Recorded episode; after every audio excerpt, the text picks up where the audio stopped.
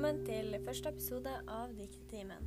I denne podkasten får vi besøk av flere kjente dikteeksperter som skal lære oss masse om Norges mest kjente diktere, og vi skal dyk dykke inn i dikternes mest kjente verk.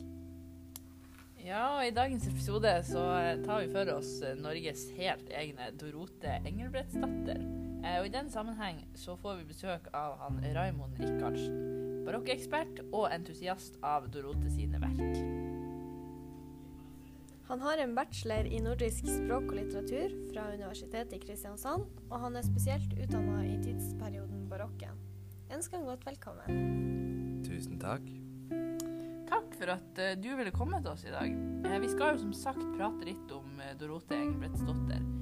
og du er jo barokkekspert og har et stort fokus har jeg skjønt, på henne og hennes diktning. Ja, jeg har en særinteresse for Dorote. Men det krever en helt egen type person å lære om henne, ettersom jo mer du leser om henne, desto mer deprimerende blir det.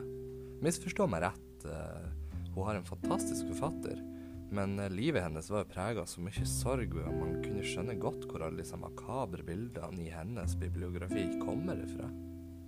Ja, eh, har du noen eksempler på hva som kan ha prega livet hennes eh, på en måte som ja, kanskje kan være vanskelig for oss da å forstå? Altså, Hvem var hun egentlig, for oss som eh, ikke vet så mye om henne fra før av? da? Jo, Dorote var datter av Bergen sogneprest. Eh, så den religiøse innflytelsen kom jo praktisk talt fora til henne gjennom morsmelka. Vi ser jo også at hun tar mye kreativ inspirasjon fra historiene i Bibelen. Men eh, ser vi på hennes personlige liv derimot, så ser vi godt hvor disse makabre bildene kommer ifra. Eh, før hun fikk gitt ut sin første diktsamling, altså 'Sjelens sangoffer', hadde hun allerede mista syv av hennes barn pga. sykdom. Kort etter eh, denne, dens utgivelse så gikk jo mannen hennes, han Hardenbeck, vekk tragisk. Hun var ikke ferdig med å miste de rundt seg, for eh, en av de siste sønnene hennes mista hun i den store tyrkiske krig. Og den andre forsvant når han reiste ut i utlandet. Så en mann og ni barn. Hun mista ti mennesker gjennom livet. Og det er når vi ikke regner med foreldre og venner og den slags.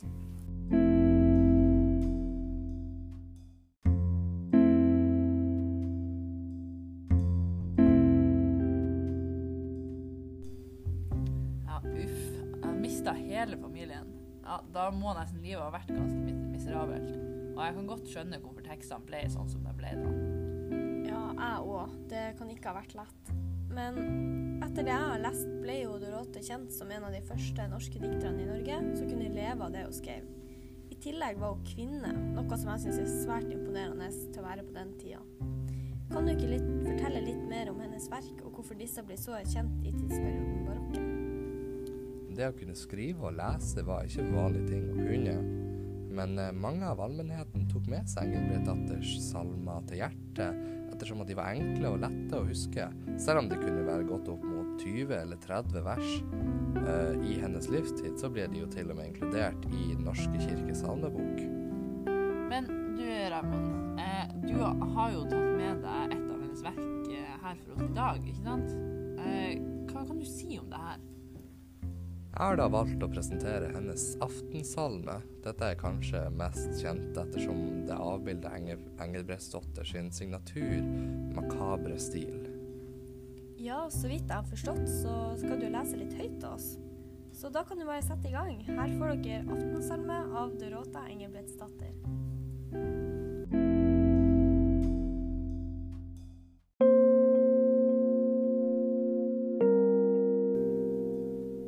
Dagen viker og går bort.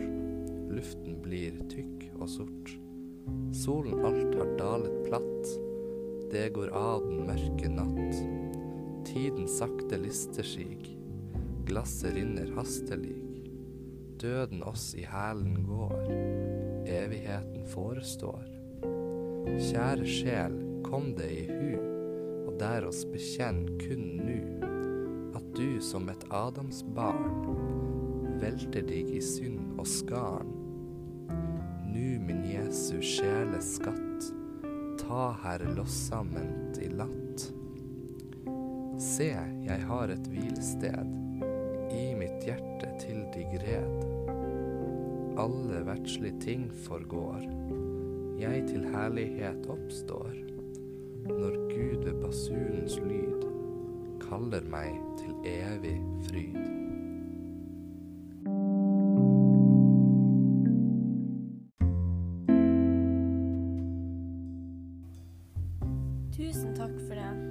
Har du noe mer å dele om Engelbrektsdatter til våre engasjerte lyttere før vi runder av for denne gang? Dorote Engelbrektsdatter er kanskje den, religi den religiøse dikteren eh, der ute som ikke skildrer etterlivet, men i stedet romantiserer og selve handlinga i å dø. Selve døden, altså. Hun snakker jo om å gå bort eh, og ha gjort klart rom til Jesus, og ekstasen hun venter på når engler og Gud kommer for å hente henne. Men eh, takk.